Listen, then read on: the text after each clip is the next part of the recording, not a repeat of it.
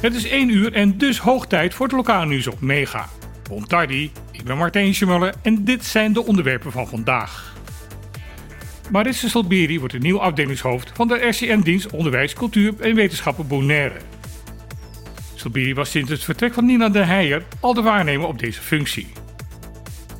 Salberi is 56 jaar oud en heeft een lange geschiedenis in het onderwijs op Bonaire. Ze noemt het een eer om haar nieuwe functie te mogen bekleden. Ze wil met alle collega's en stakeholders aan beide kanten van het oceaan bouwen aan de toekomst van Caribisch Nederland.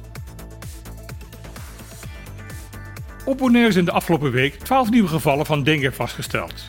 Dat is een verdubbeling van het aantal gevallen in vergelijking met de eerste drie weken van dit jaar.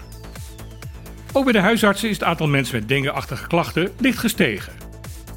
Dat is logisch omdat door de overvloedige regen de laatste tijd er veel plekken zijn ontstaan met stilstand water, de plek waar de tijgermug haar eieren legt. De afdeling publieke gezondheid roept iedereen op om alle plekken waar stilstand water zou kunnen komen te staan op te ruimen. Verder wordt voor de komende tijd aangeraden dat je ook overdag insmeert met een goede muggenzalf of spray waar het actieve bestanddeel DEET in zit.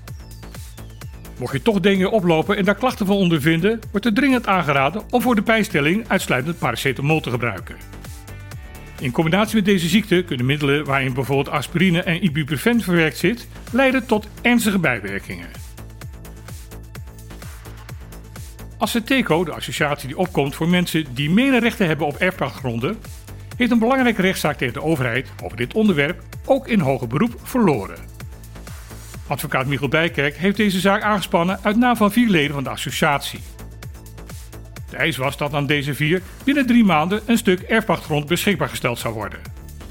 Ze menen daar recht op te hebben omdat ze al vele jaren op de wachtlijst ervoor staan.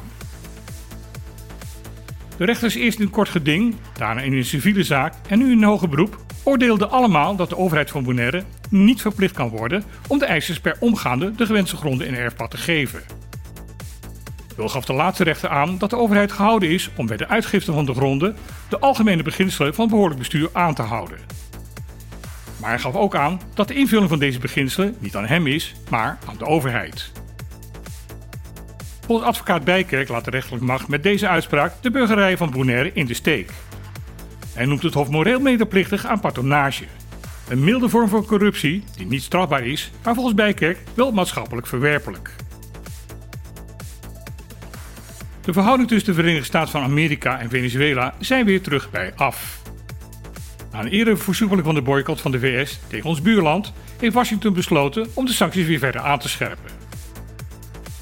Oorzaak van deze koerswijziging zijn de jongste acties van president Maduro tegen zijn politieke tegenstanders. Leden van de oppositie in Venezuela worden momenteel gearresteerd of uitgesloten voor de presidentsverkiezingen later dit jaar. Dit is tegen de voorwaarden die de Verenigde Staten had gesteld voor de versoepeling van de strafmaatregelen. Ook de ontwikkeling van het conflict tussen Venezuela en Guyana lijkt hierbij een rol te spelen. Eind vorig jaar maakte Maduro bekend dat zijn land twee derde van het grondgebied van Guyana zou gaan inlijven. Amerika heeft deze beslissing streng veroordeeld. Het regime van Venezuela noemt de beslissing van Amerika afpersing. Als tegenmaatregel worden de repatriëringsvluchten met Venezolaanse migranten uit de VS stopgezet. Dit was weer het lokale nieuws op Mega van vandaag. Ik wens iedereen een mooie en ongesanctioneerde dag toe en dan heel graag weer. Tot morgen!